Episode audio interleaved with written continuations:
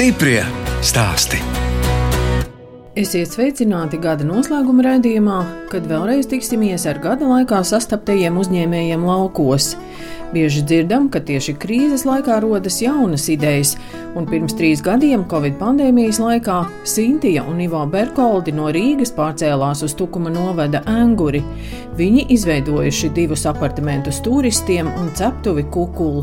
Tā kā Sintīnas mamma Elita Kvasova maizi cepa jau 30 gadus, māja ražošana sākās ar piparkūku mīklu.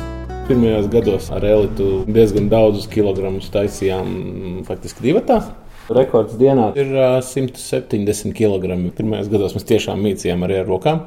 Piparkūku mīklu no vienas klasiskās mums izauga līdz astoņiem veidiem kopā. Klasiskās rudzu, pilngraudu kviešu, medus, arī bezmiltu vegāniskās, medus riekstu, un tad bija tāda pavisam traka, kur nebija ne miltu, ne piena produktu. Iepērkoties ceptuves kukulu veikalā, pircēji redz arī bulciņu un maizes cepšanas procesu. Klienti skatās, kas ir krāsnī, un viņi jau zina, ka jāskatās arī raudzētavā. Viņi parasti jautā meitenēm, kas jums tur tagad trūkst, un, un kas nāks ārā pēc tam, pēc tam aptuveni 15, 20 minūtēm. Un, un tie ir tādi zinātāji. Pat nestoties, ka ir it kā nesezonas laiks, jā, jā. meklētāji plūsma visu laiku ir. Nesezonā mums kafejnīcas liela daļa ir cieta. Varas vaļā tikai piekdienas, sestdienas, svētdienas. Tāpēc mēs saglabājam savu darbu laiku un strādājam un ražojam ikdienā. Un tad, protams, ka daudziem pusdienas laikā mēs esam arī tāds kā pusdienu galamērķis. Kā jūs izdomājat, kādas bulciņas jūs piedāvājat, vai klienti paši mm. izdomā? Ir jābūt sāļai maizītei un jābūt saldai maizītei. Un klienti bieži vien nāk un prasa, vai jums nebūs kādreiz tas. Nu, tad rezultātā mēs esam ieviesuši klasisko buļbuļsāļu pierādziņu, lai kā mēs sākumā pretojāmies, tad tas mums arī tagad būs. Maize, maizītes, cepumi, un tad ir svētku kūks. Kādu maizi jūs cepat? Ah, šodien es esmu izcepusi sēklu bagetītes, fokačus, tāda itāļu plakana maize. Bet jūs pats arī vienmēr piedalāties šajā cepšanas procesā? Tagad es varu, likt roku uz sirds un teikt, ka es visu protu, jo vēl pirms mēneša es teicu, ka ir lietas, ko es neprotu. Pēdējā mēneša laikā esmu divreiz nedēļā naktīs mācījusies kopā ar māmu cept maizi. To es arī esmu iemācījusies. Ivo ikdienā strādā konsultāciju uzņēmumā, bet iesaistās arī ģimenes uzņēmuma darbā. Braucu gan pēc izēvielām, veidu gatavo produkciju, nesu tādus maisus vai šādus maisus. Nepieciešams arī eju pārdošanā un runājos ar klientiem, kas man citas starpā ārkārtīgi patīk.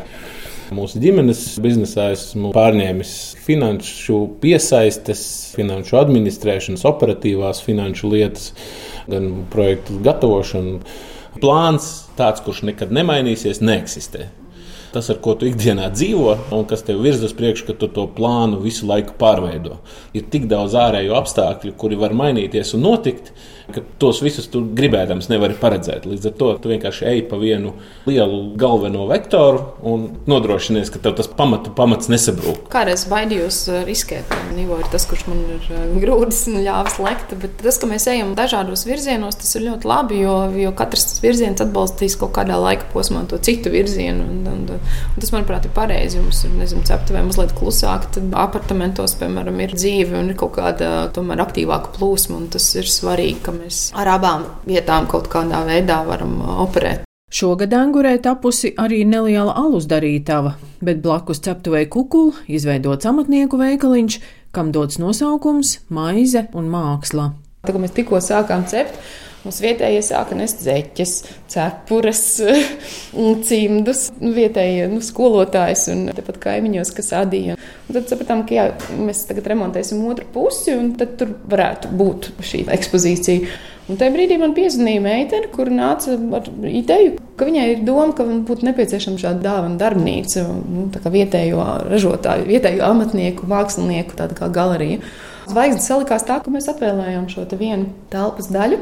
Te ir uh, medus, mūsu medus piegādātais vecs, te ir mūsu draugu, kuri arī šeit angurē ir atjaunojuši mācītāju mūžu adītās cepures. Mūsu maizes cepējas Jolantas gleznas Angurnieces veidot šie palikņi, kas ir arī roku darbs un džutas izstrādājumi. Tie ir dažādi palikņi. Tas arī ir tāds Covid laika projekts patiesībā, kas šobrīd ir diezgan veiksmīgi aizgājis tautās. Te ir angurnieces dzējas grāmata. Un arī mauči tur ar tādām skaistām pērlītēm izšūti. Jā, arī angurnieces ļoti smalks darbs. Jā. Ligitas veidots un, un cimdi. Ja nemaldos, arī ir viņai tā kā šeit ir otrreizējās pārstrādes papīra kārtītes. Tā kā šeit ir bijušas meistarklases, ko ir organizējis tāpat Ilza ar, ar, ar māksliniekiem, tiem pašiem, kas šeit arī tirgo savus ražojumus. Mākslas vakar arī mums šeit ir bijuši attiecīgi ar dzēju un mūziku un, un, un pilnīgi citu kopā būšanu tā teikt, notiek iesildīšanās tādiem nelieliem kultūras pasākumiem, kas ir um, super iespējami šeit. Un šeit ir tā vajadzīga atmosfēra, realizēt mazus pasākumus, kas ir arī mans joprojām tāds sirds projekts, šī pasākuma organizēšana. Stiprie stāstī!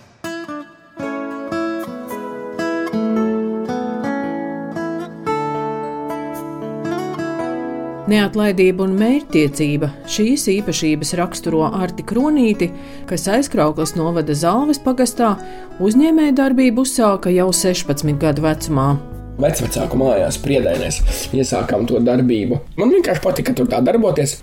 Es atjaunoju priedēnēs pirtiņu, tad mēs tur atceros, kad lapenīti uzbūvēja, tad tur vēl vienu lapenīti uzbūvēja. Fasādes dēlīšus, nu, paši saspundējām tēva mājā, nu, vectēva mājā, vai ne? Un tad, protams, kāds kaimiņš pamanīja, nu, kaut ko tur puiši rosās. Tad vienam kāda interese, tad mēs tur kādu dārza beņķi kādam uztaisījām. Nu, tā tas pamazītiņām sākās, jā, ar tādiem darbiņiem. Un tad, kā tā siltumnīca sākās, viena vecā kaimiņiene teica, ar te klausies, man vajag siltumnīcu.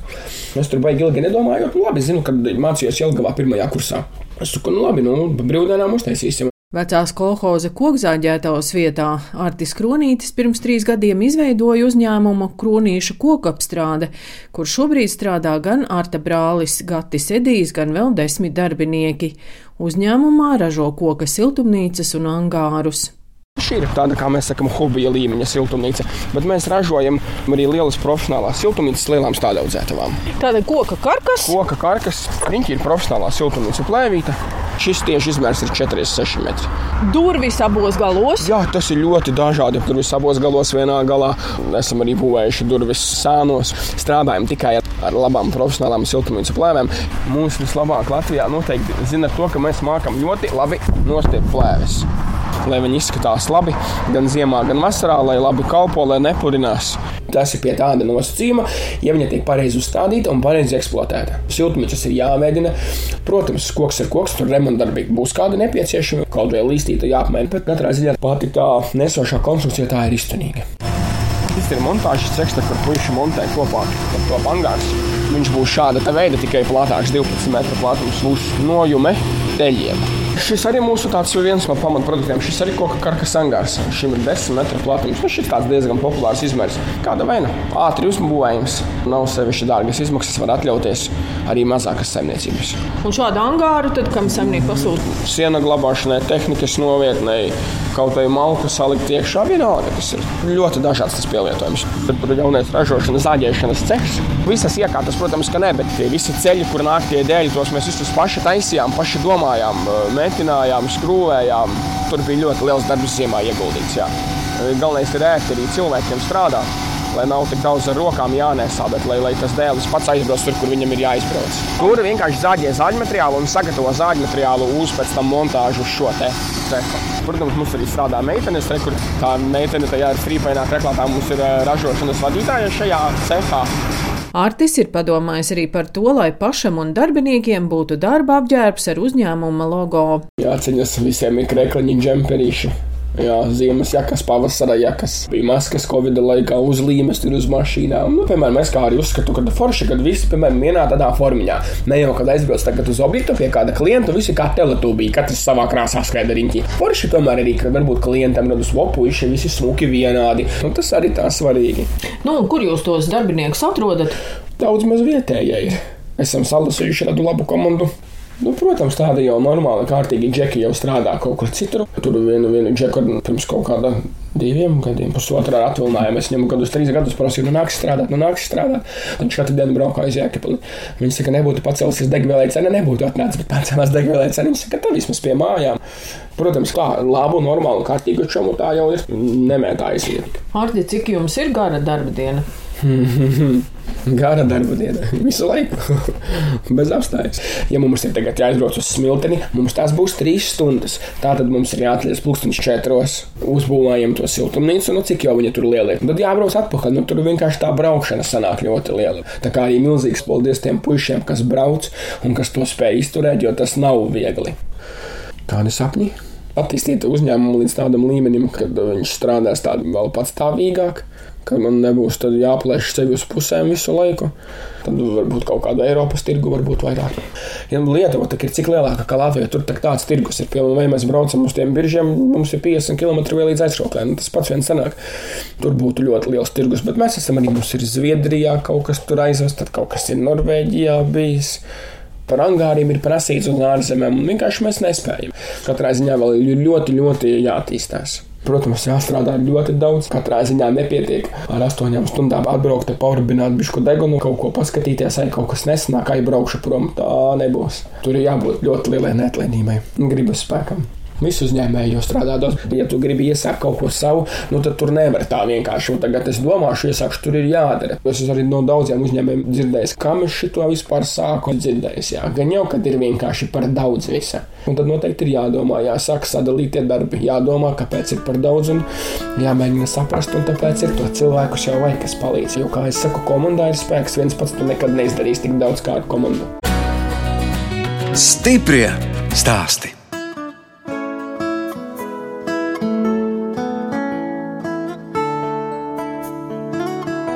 To, cik daudzveidīga var būt arī neliela piemājas saimniecība, apliecina Dobelas novada Pankulas pamatskolas mūzikas skolotāja Ilze Jansone.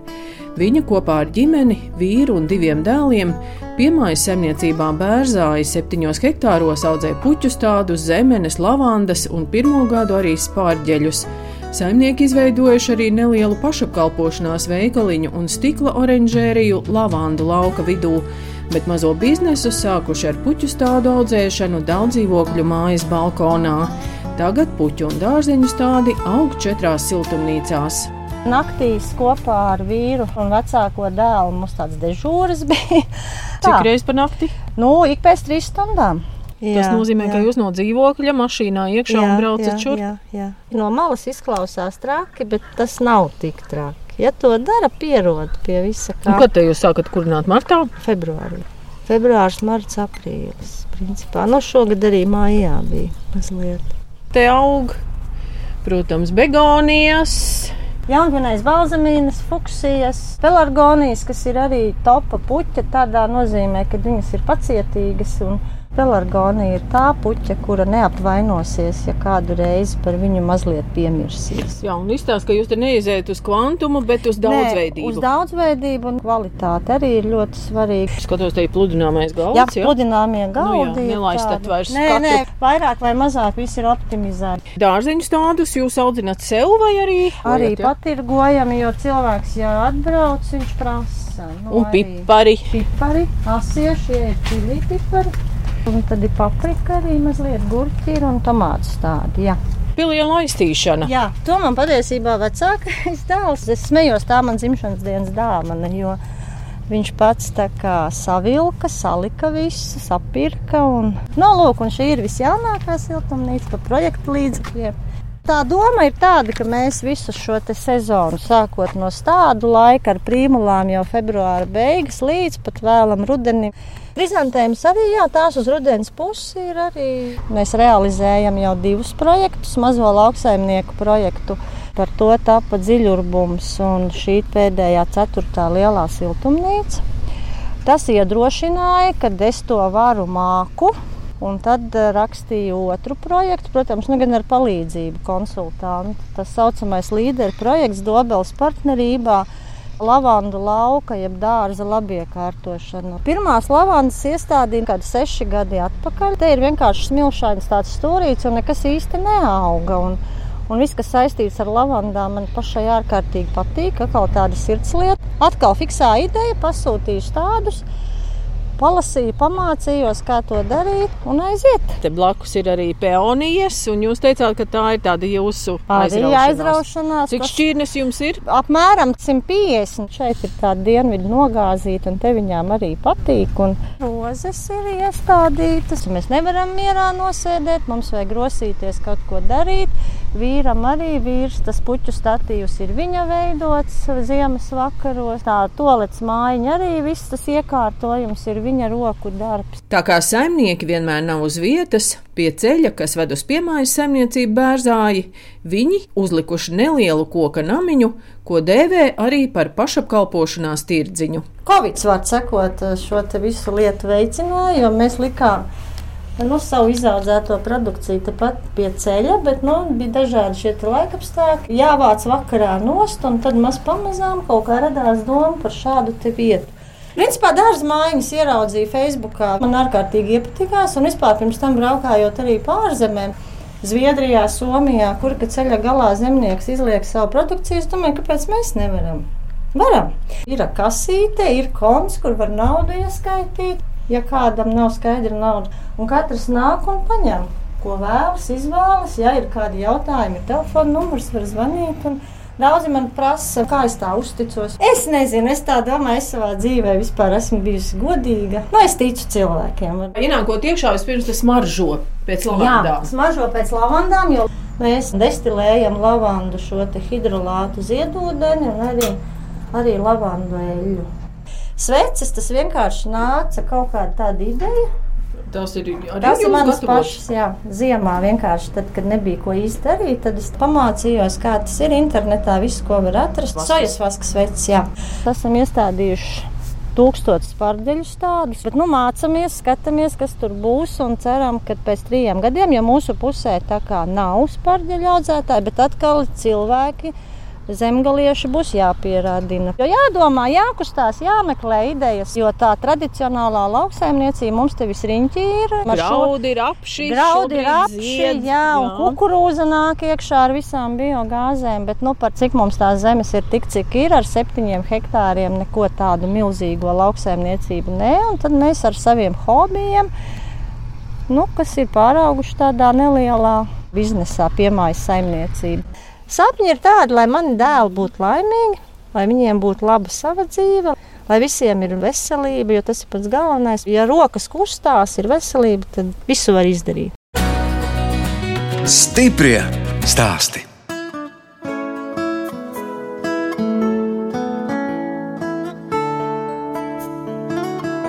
Pēstniecība un pamatīgums - tā var raksturot Gulbenes novada Rankas pagasta zemnieku saimniecību ķelmēni, kam šovasar apritēja 30 gadi. Saimniecību izveidoja Juris un Velga Pavloviči, un Juris joprojām ir saimniecības galvenais balsts, bet jau desmit gadus lieli palīgi ir arī meita Rūta Mūrniece un dēls Mārtiņš Pavlovičs ar ģimenēm. Bioloģiskajā saimniecībā tūkstoš hektāros audzēja graudus, galvenokārt rudzus, un maizes ceptuvē katru dienu izcep 3 tonnas maizes. Atbildīgais par zemes darbiem Mārtiņš Pavlovičs stāsta, ka lauksaimniecībā katrs gads ir savādāks, un sausā pavasara dēļ graudu augu raža šogad ir par trešdaļu mazāka nekā pērn. Priekšmājas mums ir tikai rudzi. Tad, lai tev augi sakā, būtu mums ir auzas un griķi. Un rudzus tad jūs audzējat Latvijā radīto šķirni. Ja? Kalpojam. Ir, man liekas, vislabākās mājas īpašības.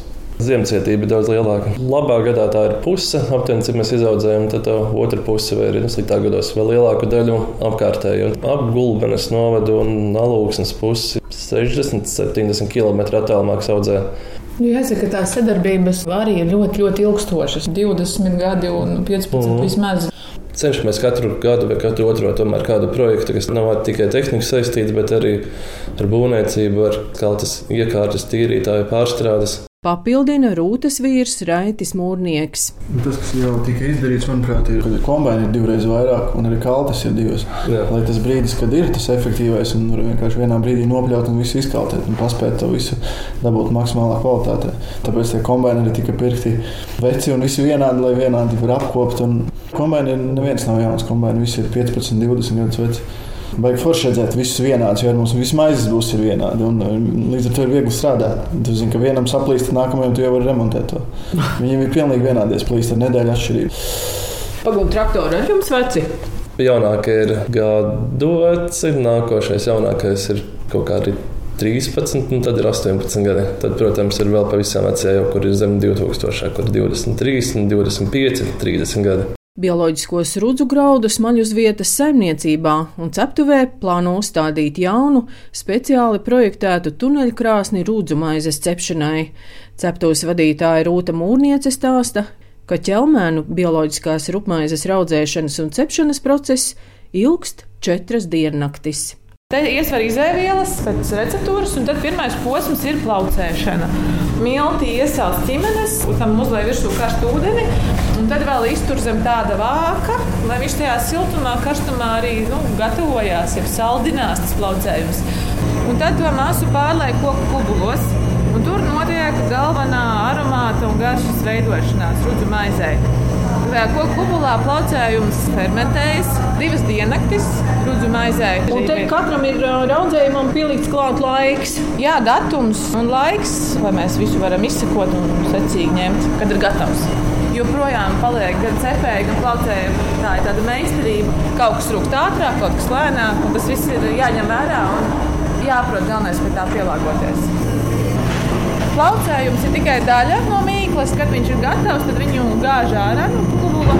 Tad liek klāt vēl miltus, sāli, cukuru, ieraugu. Tad ir uh, mīcīšanas darbs. Tad jau veidojas mīkla. Tad uh, mīklā ļauj drusku uzraudzēties, taisa kukurūzus, meitenes ar rokām.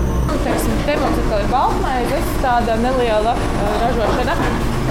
To mēs šobrīd cepam trīs reizes nedēļā tādos nelielos apjomos, bet rupmaize ir ikdiena visu pamats. Un, uh, viss tas inventārs lielākoties, ko mēs redzam, gan raudzētavas, gan kaut kāds mazais inventārs, gan arī krāsnes, ir jūra būvēts un projektēts. Un, teiksim, šeit pats saimniecībā uz vietas tapis.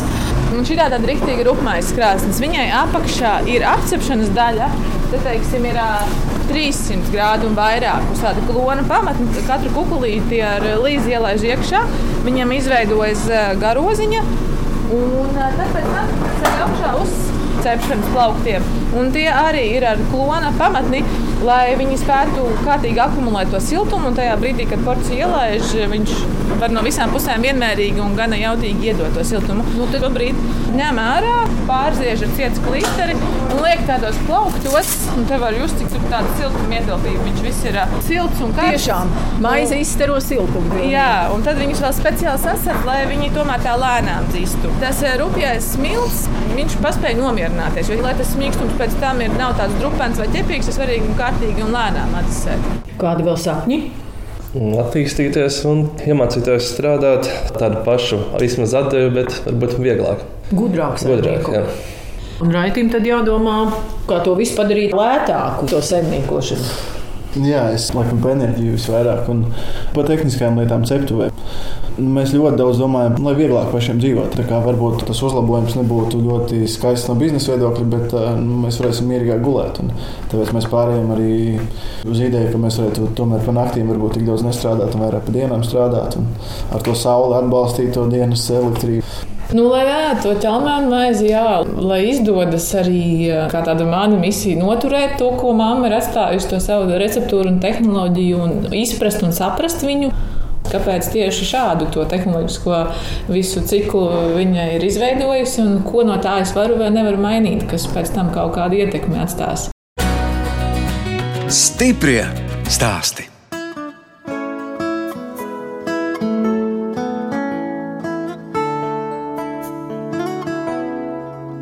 Turpinās Krievijas uzsāktais karš Ukrainā. Atceros barikāžu laiku, kad Rīgā no visas Latvijas sabrauca lauku vīri ar traktoriem un citu smago tehniku, un Latvijas televīzijas kafejnīcā sāka smaržot pēc ugunskura dūmiem. Gan toreiz, gan tagad daudzi lauku vīri un puiši ir zemesārgi. Arī Jānis Zilvers, kas pirms 33 gadiem Siguldas novadā izveidoja augļkopības saimniecību pīlāģi. Šobrīd saimniecībā strādā arī abi Jāņa dēli, un jaunākais dēls Reinis vada zilveru dzērienu darītavu, un tāpat kā tēvs, ir arī zemes sargs. Ar viņiem tiekos ābolu noliktavā. Cik skaista ābolu smarža! Kas tad ir par šķirnēm? Ir augsts un dace. Kādi skaisti lieli āboli. Nu, šogad ir lieli padevušies tādēļ, ka bija raža maza pēc skaita, bet beigās sanāca tāda ciešama pēc eh, svara. Jo augļi sakarā ar salnām aizmetās mazāk, bet toties izauga lielāki, jo vasara bija gan silta, gan pēc tam arī augustā mitrums pietika. Tā kā āboli ir. Mums lielākā daļa aiziet skolas augļiem. Pieradinām mūsu jauno paudzi, bērnus jau no bērnu dārza un skolas vecuma, ka ir jāēd vietējais produkts un jāmīl vietējā garša. Reini, cik tad jums bija gadu, kad tev sāka? Mm, trīs, četri gadi. Ir vēl bildes ar maziem kociņiem, mm, kur es esmu bijis garāks par viņiem. Un kurus pagājušajā gadā jau, jau nogriezu, jo cik tur 28 gadi tam dārzam bija. Un tos, kas uz vidēja auguma pocēla, viņiem tas mūžs ir 25, 30 gadi, arī šķirnes jau ir novecojušas. Tad, radušās tomēr jau jaunas. Daļu dārzus esam jau nomainījuši apmēram 30% pēdējo četru gadu laikā. Jānis Zilvers stāsta, kā abi dēli ģimenes biznesā iesaistījās, kad izveidoja paši savas ģimenes. Speciāli nekad pierunāti nav. Tāpat blakus dzīvojot un strādājot kaut kā par Rīgu pastudēju, un ne gluži šīs specialitātes, bet beigās ir atgriezušies. Un tā Jānis piepalīdz pie dārziem. Viņš gan tāpat dabas fotografēšanu, dažādiem projektiem pārsvarā strādā, bet palīdz arī abeļu dārzos. Un uh, Reinis tas bija principā mūsu dzērienu pārstrāde pilnībā pārvalda. Reini, es saprotu, ka bija kaut kāds laiks Rīgā. Jūs strādājat arī kādā teātrī. Jā, leģendārī par gaisa mākslinieku. Bet ar ģimenes stāvokļa izmaiņām atgriezos Sigūdā. Tā kā principā varētu teikt, ka tēvs radīja piemērotus apstākļus vidi, kur audzināt jauno paudzi. Protams, jā, tā bērnības zeme vienmēr ir tā mīļākā, kurā gribas atgriezties un kur ir tā īstā sajūta māja. Reinis Zilvers, tāpat kā savulaik viņa tēvs, ir arī zemes sargs. Protams, attiecīgie apstākļi politiskie pātrināja šo lēmumu. Diemžēl mans darbs bieži vien pārklājas ar mācībām, visādi tirgi un degustācijas tiem dzērieniem. Bet, eh, protams, cik varu, tik piedalos. Šos ar apgūvu jau padziļināto pirmo palīdzību, bet tēvs jau arī bija zemesargs var teikt, ar zemesardzes veidošanos. Tie, kas mēs bijām zemnieki pagastā, lielākā daļa arī stājāmies zemesardzē. Bija jau jābūt tādai drošības sajūtai. Tas bija laiks, kad labi atceramies, bija gan reketi, gan daudz vairāk zakšanas bandītismu. Un, protams, tas bija arī tādai drošības sajūtai, lai ne tikai savu ģimeni aizstāvētu, bet, protams, arī līdz ar to arī, Latvijai būtu savs tāds aizsardzības moments. Reini, jūs arī esat gatavs Latviju aizstāvēt, ja būs tāda vajadzība? Protams, tāpēc jau es iestājos zemesardzē. Otrs brālis arī? Nē, viņš nav. Bet, uh, es neuzskatu, ka visiem ir jāstājas zemesardzē. Ne visi var būt karavīri. Tajā pašā laikā mēs visi trīs esam arī aktīvi mednieki un ar ieročiem ikdienā strādājam un darbojamies. Es uzskatu, ka patiesībā katram vīrietim jāsaprot, kas ir ierocis un kā ar viņu rīkoties. Jūs paši sevi saucat par Latvijas patriotiem? Nu, noteikti, jo mēs esam šeit, strādājam šeit, attīstām savu lietu, ražojam produktu savējiem. Pa tēvu līniju pamatā gan vairāk ir cēlusies mūsu dzimta no Veselovas, ir cilskoks zināms jau divas paudzes pirms uzvārdu došanas, un visu laiku tepat vidzemē esam dzīvojuši. Es šaubos, vai vispār kāds, kurš saimnieko uz zemes un ir zemnieks, nav patriots Latvijas tie, kas strādā ar zemi, tie, es uzskatu, visi ir patrioti.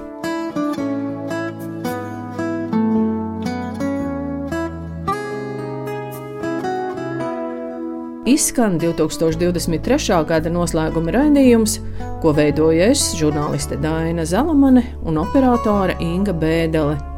Lai jaunais gads nes veiksmi, izturību un veselību!